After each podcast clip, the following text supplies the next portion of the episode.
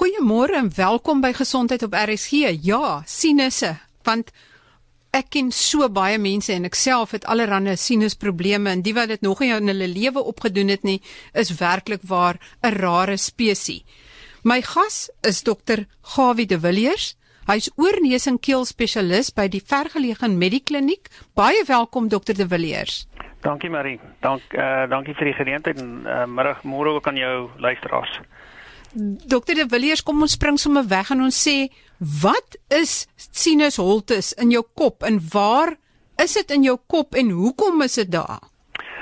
Uh Marie is 'n sinus is maar eintlik net 'n 'n 'n 'n holte wat in die been voorkom in 'n mens se kop. Mens kry um, in ander dele van die liggaam ook sinusse wat voorkom en dis maar net 'n term wat gebruik word daar maar soos wat ons dit verstaan in die uh, skedel is dit net 'n holte in die been. Nou jy het 'n hele paar wat uh, voorkom in 'n in 'n mens se se skedel. Die twee grootstes is waarskynlik hier op jou wange, links en regs, is daar um, twee grootes en dan uh, bokant jou oë hier by jou wenkbroue is daar twee ons noem hulle die twee frontale sinusse. En dan in die middel van jou kop heel agter is daar ook twee groot sinusse ons noem hulle jou sphenoid sinusse. En dan het jy so tussen jou oë in op pad agtertoe in jou neus en is daar wat ons noem jou ethmoid sinusse. En dit is ehm um, sinusse wat eintlik meer lyk soos 'n 'n heuningkoek.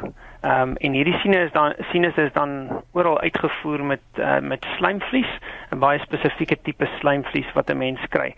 So hulle ontwikkel van embry uh, van embrionale stadium af maar uh volledige ontwikkeling van sinusse is eintlik eers hier teen omtrent uh 18 20 jarige ouderdom gewoonlik voltooi. So baie van hulle vat baie lank om uh, volwasse grootte te bereik en intedeel is daar baie mense waarvan die sinusse omtrent glad nie vorm nie dat jy een sinus aan die een kant kan kry en een aan die een is of baie klein of hy is glad nie teenwoordig nie. Maar is hierdie gate in die skedel, die sinusholtes, net daar sodat die been nie so swaar is nie of dien hulle werklik dit doel? Wel Marie, daarso is maar baie kontroversie daaroor. Ons weet eintlik nie hoekom 'n mens sinusse het nie. Ehm um, een van die funksies as ons dit so kan noem wat uh, voorgehou word is dat dit wel jou skedel ligter kan maak. Nou as jy gaan kyk na byvoorbeeld 'n dier soos 'n olifant wat 'n reusagtige skedel het. Ek het die uh voorreg gehad om so rukkie terug na 'n olifant skedel te kyk. Sy sy skedel is vol van hierdie sinusse wat eintlik maar lyk soos soos 'n uh, 'n heuningkoek. En jy kan dink uh, hoe sterk 'n olifant se nek sou moet wees as daai been alles solied was. In die mens uh, is ons skedel nie so groot nie en hy's nie so swaar nie. So die rol wat dit speel, dink ons is maar eintlik beperk. Daar's ander ouens wat weer sê dat die ehm um, buiten die die die rol wat dit speel by die gewig, help dit jou, jou ook om te dryf in water, maar ons is lankal nie meer amfibies nie. So die rol daarvan is ook ehm um, te te bespiegel en dan sal ander funksies wat toegedig word aan die sinusse ook. Ehm um, dit het 'n 'n doel by ehm um, die resonansie van klank uh in jou in jou skedel.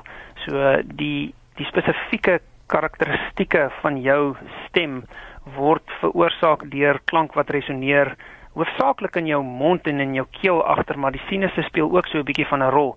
En jy kan dit baie maklik agterkom deur doeteenvoudig jou neus toe te druk en hoor hoe verskillend jou stem dan klink.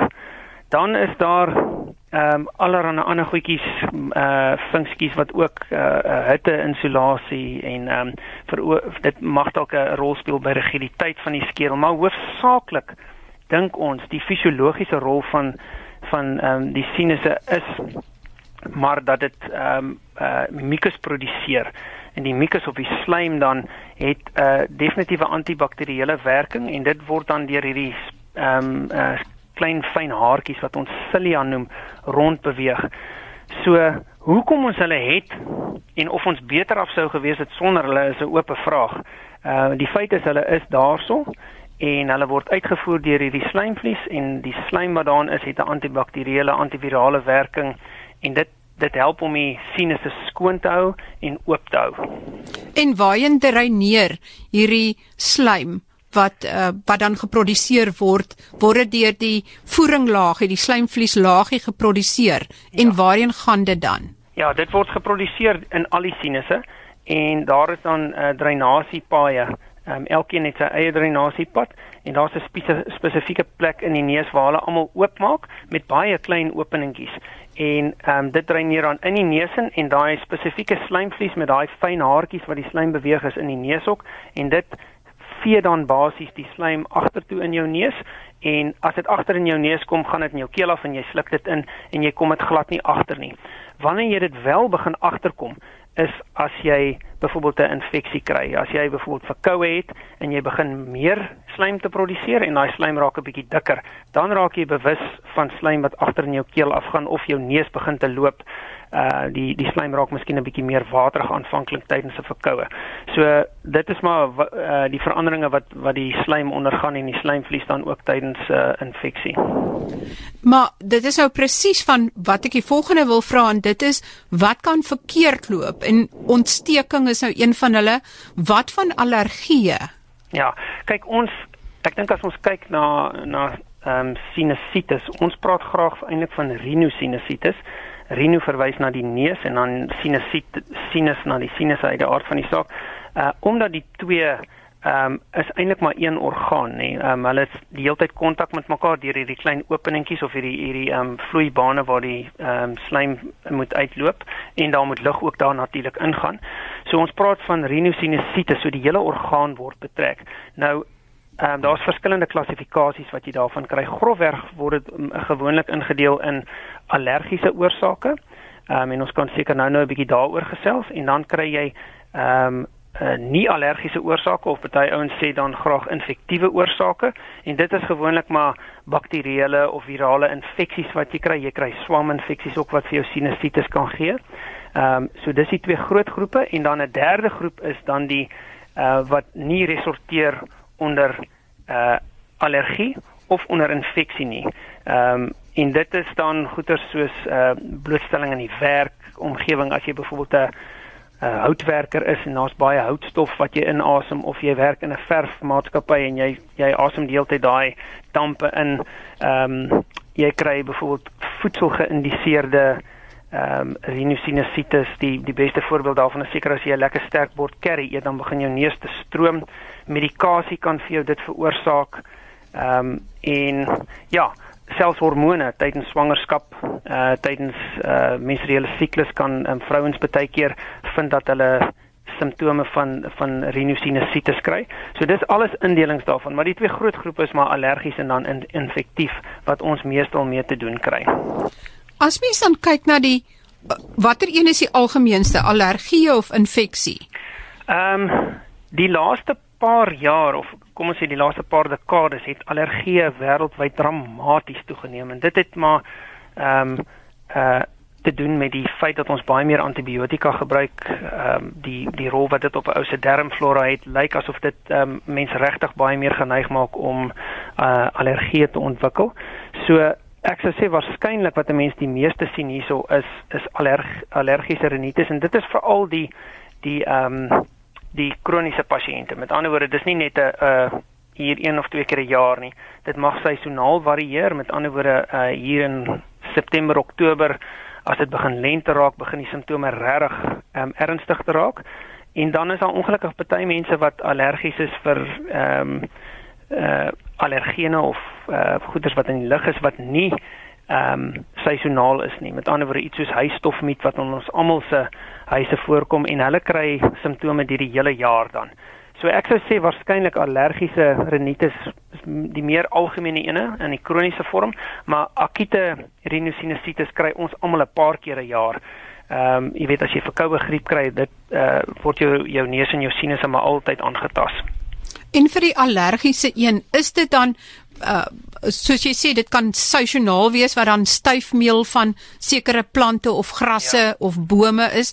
Is daar spesifieke bome of plante of grassade wat jy kan uitsonder? Uh nie regtig nie. Dit wissel van omgewing tot omgewing. So gewoonlik wat gebeur is as 'n mens um, as ons pasiënte toets vir allergie, word daar ehm um, spesifieke uh goed getoets wat in daai omgewing algemeen is. So die die uh vervaardigers van hierdie uh stowwe sal byvoorbeeld 'n uh, mengsel maak van boomsoorte en dan kyk hulle na na na daai spesifieke boomsoorte. Jy kan spesifieke boomsoorte ook gaan uitsonder en sê ek wil daai boom toets of of ek wil Bermuda gras toets of ek wil hierdie of daai gras toets. Uh, maar dit is gewoonlik 'n mengsel wat dit vir jou gee. Ehm um, en dit uh dit is nuttig om dit te kry want jy as jy byvoorbeeld 'n plataanboom in jou tuin het en jy's allergies vir plataanbome dan moet jy waarskynlik maar daai boom gaan afsaag. Ehm uh, so ja, mense kan gaan toets vir spesifieke goeters.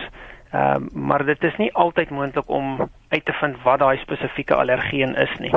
Ja, en as dit iets is soos hy stofmyt, dan is dit eintlik baie moeilik om totaal daarvan ontslae te raak. Ja, dis ek wil amper sê dis onmoontlik. Uh want daai om, om daai ding uit jou kussings en uit jou ehm um, meubels en uit jou beddegoed uit te kry is verskriklik moeilik. Jy moet die regte stofsuier hê. Uh jy jy kan dit vries, jy kan dit baie warm maak, uh, maar dit is baie baie baie moeilik om daai goedes regtig te vermy. Uh maar uh gelukkig is daar medikasie wat 'n mens ook kan gebruik en en dit ehm um, saam met 'n uh, groot mate van vermyding is gewoonlik genoeg om 'n mens se simptome te beheer.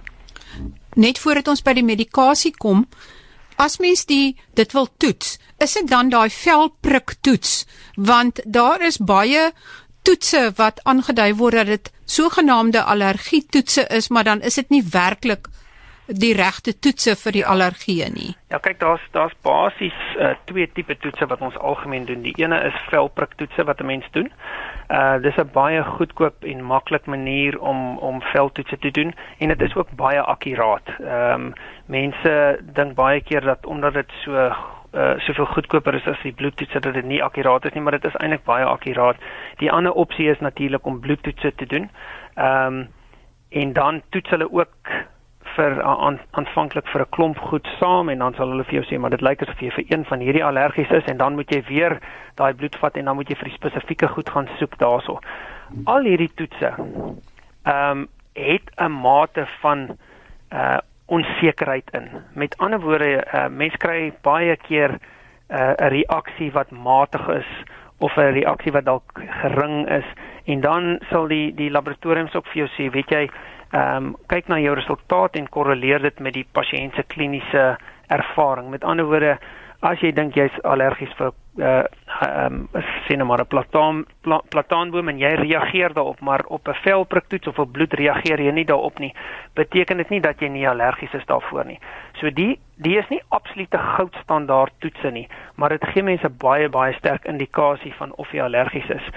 Die ander probleem is natuurlik om die allergene wat in die lug is te isoleer um en uit te vind watter een jy spesifiek vir allergies is. Dit kan baie moeilik wees want daar is letterlik duisende goed wat rond um, dryf hierso en en jy asem dit in of dit land in jou oog en jou oog juk daarvan. So baie keer baie uh, met met party pasiënte kry ons net dood eenvoudig nie 'n antwoord nie. Um en dan moet mens maar die pasiënt begin hanteer soos wat jy dink goed is.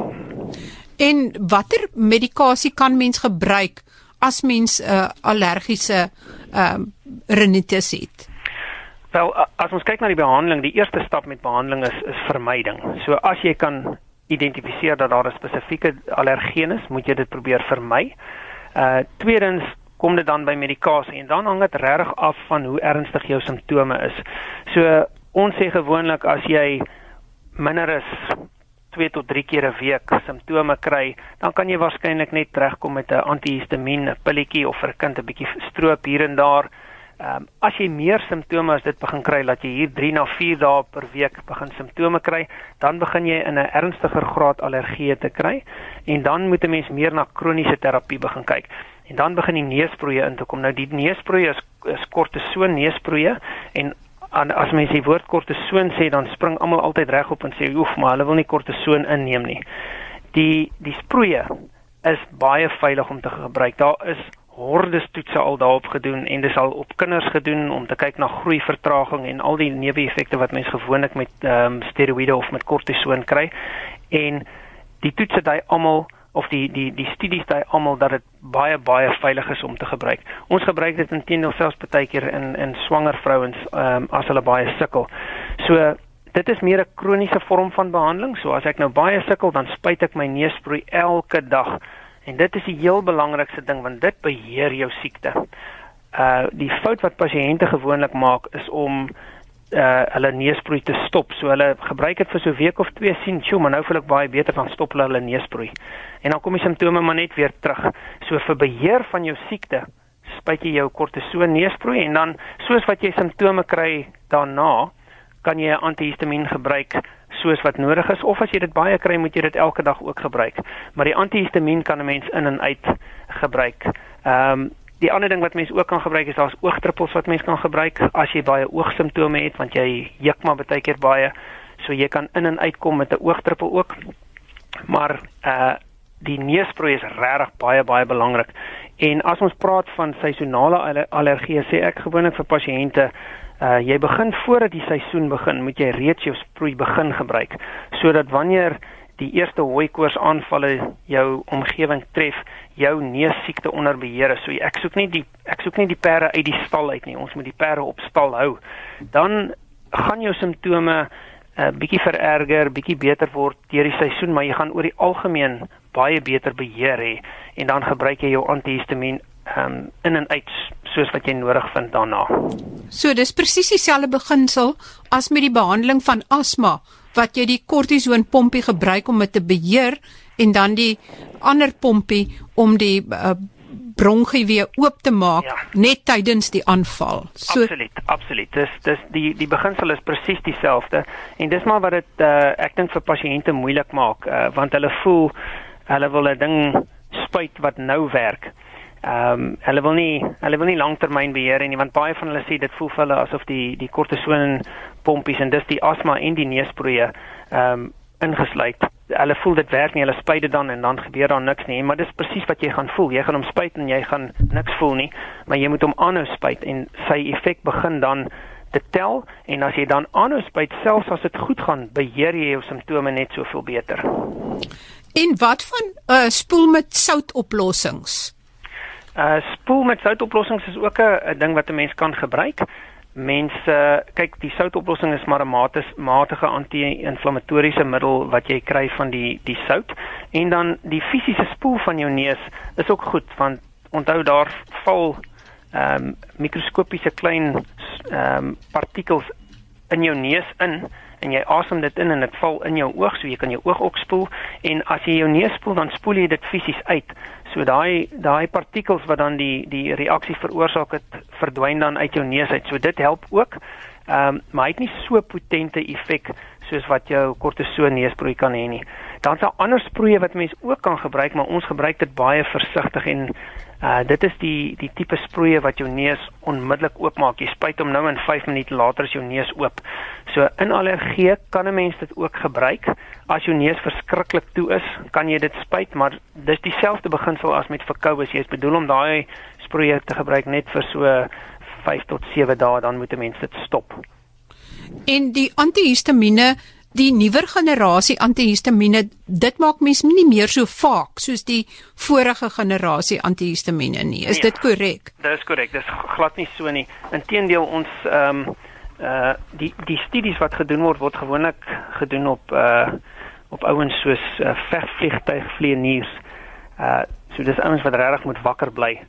En dan um, as jy gaan kyk na die studies wat gedoen is in skole as jy gaan kyk na die effek uh wat die behandeling van allergie het op kinders se konsentrasie vermoë, se skoolpunte, is dit regtig um uh jy weet uh, iets wat 'n mens stuit in jou spore. Dis regtig 'n uh, siekte, 'n kroniese siekte wat 'n mens moet behandel en baie suksesvol kan behandel want jou lewenskwaliteit neem so dramaties af as jou neus toe is, as jy die hele tyd juk. Ehm um, baie van die kinders word ehm um, gediagnoseer met uh uh aandag tekort, uh, hiperreaktiwiteit omdat hulle hulle nie kan konsentreer in die klasse nie en dan as jy net doeteenvoudig sy allergie 'n bietjie onder beheer bring dan kan die kind net baie beter funksioneer. So die middels is regtig veilig om te gebruik. Soos ek gesê die kortisoneesproeë het baie baie min sistemiese absorpsie en die antihistamiene ehm um, se se se effek op op lomerigheid en so on is regtig baie baie beperk. Daar is individue wat nog steeds daarop reageer. Uh, maar dis regtig die minderheid. Ons praat van 1 of 2% van die bevolking. Dokter, as ek nou in die lengte begin hooikoors kry, is dit dan 'n teken van eintlik van 'n allergiese reaksie in my uh, sinusse of my neus? Ja, wel dit is waarskynlik so. Kyk, 'n mens uh, mens wil graag 'n diagnose maak en dit is een van die redes hoekom ons ook uh, byvoorbeeld veldtoetse of bloedtoetse op 'n pasiënt sal doen. Ehm um, allergie is is hoofsaaklik 'n kliniese diagnose. So as 'n pasiënt um, inkom en hy tipiese simptome van allergie dan ehm um, hoef 'n ou nie altyd veldtoetse te doen om dit te bevestig nie want soos ek gesê het kry jy nie altyd 'n uh, spesifieke antwoord nie. Ehm um, maar in meeste pasiënte sal jy dit redelik sterk kan bevestig met uh, met allergiese toetse. Die simptome wat hulle maar meeste van die tyd kry is die van hooikoors. Met ander woorde uh hulle nies en dis baie kenmerkende aanvalle van nies. Hulle sal 5 of 6 of 10 keer op 'n slag na mekaar nies en jy kry dit veral in die oggende. So dis sulke niesaanvalle wat hulle kry. Hulle juk, so die oë juk, die neus juk en dan baie keer die verhemelte ook dan maak hulle so klik klik geluid met hulle tong en hulle verhemelte agter in die keel. Loopneus, toeneus. Ehm um, ja, dit is meeste van die simptome wat hulle kry. By die kinders kry jy interessante goed. Ehm um, hulle kry wat ons noem die allergic salute, uh waar die kind die neus die hele tyd so vryf so, so so dit lyk soos 'n ou wat jou wil salieer maar hy vryf eintlik net sy neus die hele tyd en dan as gevolg van daai gevrywery kry hulle baie keer so so 'n foutjie hier op die neus wat begin on, begin te ontwikkel.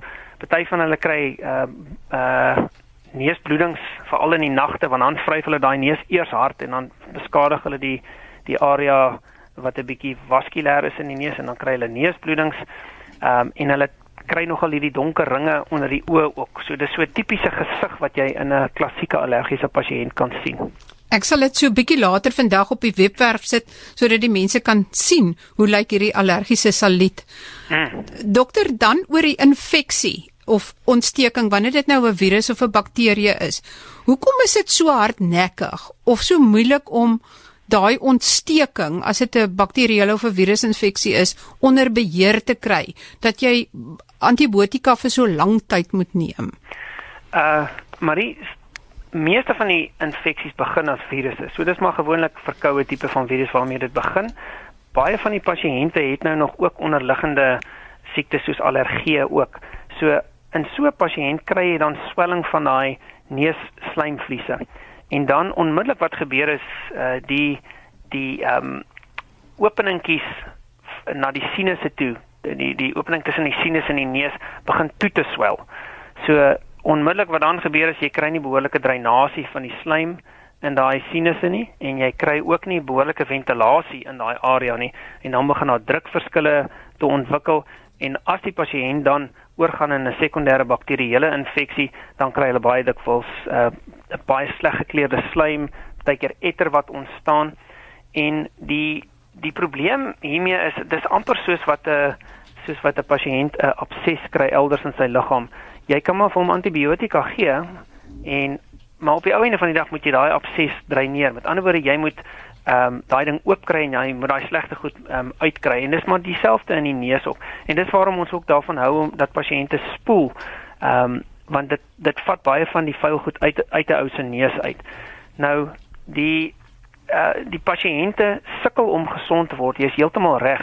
Ek dink wat baie keer 'n probleem is is dat pasiënte verwag dat hulle 'n kursus antibiotika gaan drink en dat hulle dan 5 dae later heeltemal gaan gesond wees en dit is ongelukkig nie die geval nie. So wat hulle moet weet is dat jy 'n infeksie kry en as gevolg van die infeksie ontstaan daar inflammasie of ontsteking in die neus. Nou daai ontstekingsreaksie gaan aan lank nadat die infeksie ehm um, reeds weg is. So daar's geen twyfel dat daai pasiënt nog vir 'n tyd lank sal simptome kry nie. Hulle hulle is nog steeds geswel, daar's nog steeds baie slaim wat ontstaan daarso. So om dan 'n tweede kursus antibiotika te gaan gebruik gaan nie help nie. 'n Mens moet gaan en jy moet uh, die neusproe gebruik. Jy moet basies daai inflammasie aanspreek. En dit is die heel belangrikste. Mens moet dan net 'n bietjie geduld gebruik, jou medikasie gebruik en dan gaan dit gewoonlik verby. Sjoe, ons tyd gaan so vinnig verby.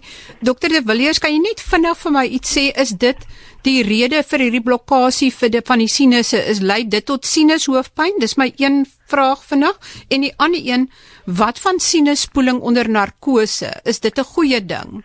Ja, kyk die die drukveranderinge baie keer in die sinusse omdat hulle nie kan belig word nie en nie um, kan dreineer nie is wat vir jou pyn gee. Baie keer is daar 'n ontsteking wat plaasvind in die been en dan voel jy dit so half in jou tande veral hier in die maksilêre sinusse op die wange. So dis baie keer die ontsteking en die drukveranderinge wat vir jou pyn gee. Ehm um, pasiënte sal vir jou ook mooi beskryf as hulle die kop laat sak, dan raak hy pyn baie erger. Uh uh, om om te gesels oor 'n sinusspoeling, daar's 'n bietjie van 'n miskonsepsie daar buite. Ek dink mense dink 'n sinusspoeling is hierdie magiese uh, prosedure wat ons kan uitvoer. Wat ons doen met 'n sinusspoeling, ehm um, is maar basies eerstens om etter in die hande te kry. Met ander woorde, as ek dink daar's etter in jou sinusse, en dan veral weer eens jou maksilêre sinus hier oor jou wange, dan sal 'n mens dit onder narkose gaan doen. Dis 'n baie dik naald wat 'n ou daar deur die uh, dun stukkie been druk en jy ehm um, aspireer dan van daai etter, jy stuur dit weg en hulle kweek dit. Jy kry 'n uh, sensitiwiteit van die ehm um, laboratorium terug en jy weet dan watter gogga dit is en watter antibiotika om te gebruik. So dis eerstens om daai inligting te kry. Terwyl ons dan ook daar is, spoel ons ook die sinus skoon. So jy spoel al daai etter en goed weg. So jy vat soos wat ons vroeër gesê het die die ehm um, die abses vat jy 'n bietjie weg. So jy vat van die slegte goed weg en dit help definitief ook om dit beter te maak. Maar as jy byvoorbeeld net slijmvliesswelling het, jy het geen etter daar in jou neus nie, dan of in jou sinus en nie, dan help dit nie verskriklik baie om 'n sinusspoeling te kry nie. Die ander ding is al die sinusse is nie spoelbaar nie en hulle is nie so maklik om in die hande te kry nie veral dies wat agter in die middel van jou kop sit jy moet ehm um, jy moet maar onder narkose gaan waarskynlik om daai tipe van van operasie te doen. So sinusspoeling help, maar ons kombineer dit baie keer ook met met ehm um, wat ons noem FES chirurgie.